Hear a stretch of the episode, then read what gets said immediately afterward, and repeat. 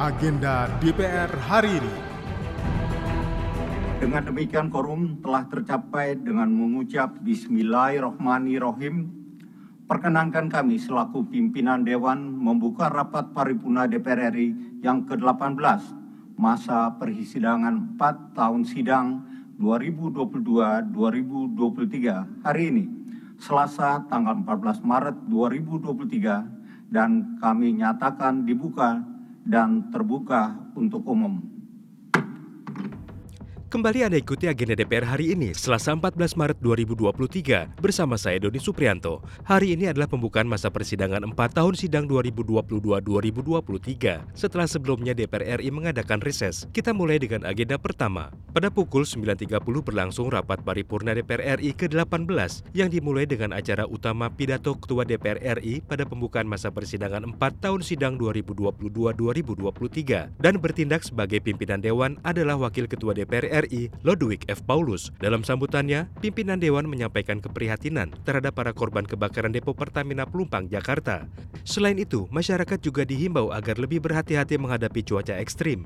Sidang dinyatakan quorum setelah dihadiri oleh sebanyak 49 orang, 22 di antaranya hadir secara virtual dan sebanyak 20 orang anggota yang izin, sehingga total kehadiran anggota pada pembukaan masa persidangan 4 tahun sidang 2022-2023 ini adalah 291 orang dari 575 anggota DPR RI. Sidang Dewan yang kami hormati, hadirin yang kami muliakan. Pada rapat paripurna hari ini, pertama-tama kami ingin menyampaikan keprihatinan atas insiden kebakaran di depo Pertamina Pelumpang, Jakarta yang menyebabkan korban jiwa dan luka-luka.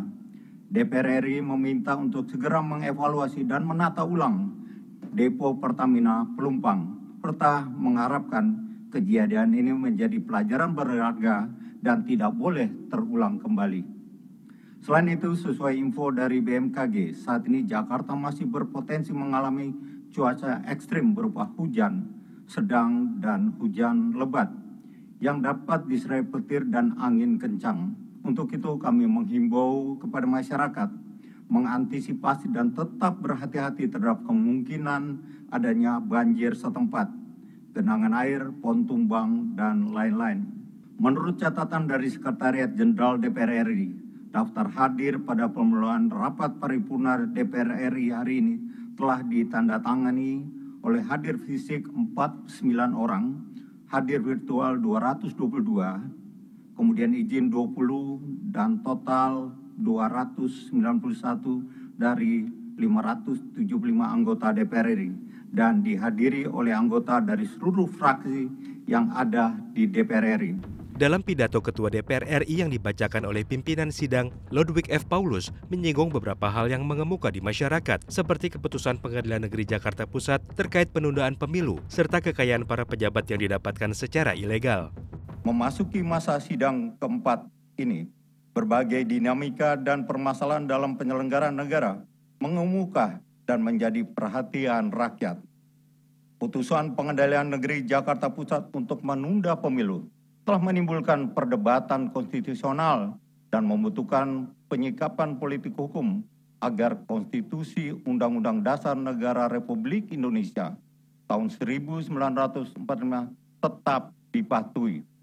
Hal, hal lain menjadi perhatian rakyat adalah berbagai kasus yang mengemuka dari oknum pejabat aparatur sipil negara yang diduga memiliki kekayaan yang tidak sesuai dengan profil jabatannya. Selanjutnya kita beralih ke pukul 14 waktu Indonesia Barat, di mana berlangsung forum legislasi dengan tema Urgensi Revisi Undang-Undang Perlindungan Konsumen dengan narasumber anggota Komisi 6 DPR RI Darmadi Durianto, Kepala Badan Keahlian DPR RI Inosensius Samsul, Kepala Bidang Pengaduan Yayasan Lembaga Konsumen Indonesia Sularsi, dengan moderator Muklis Fajarudin, anggota KWP.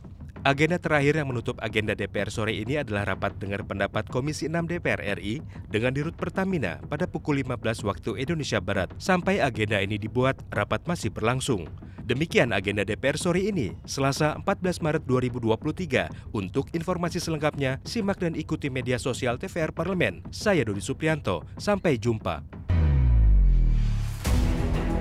Agenda DPR hari ini.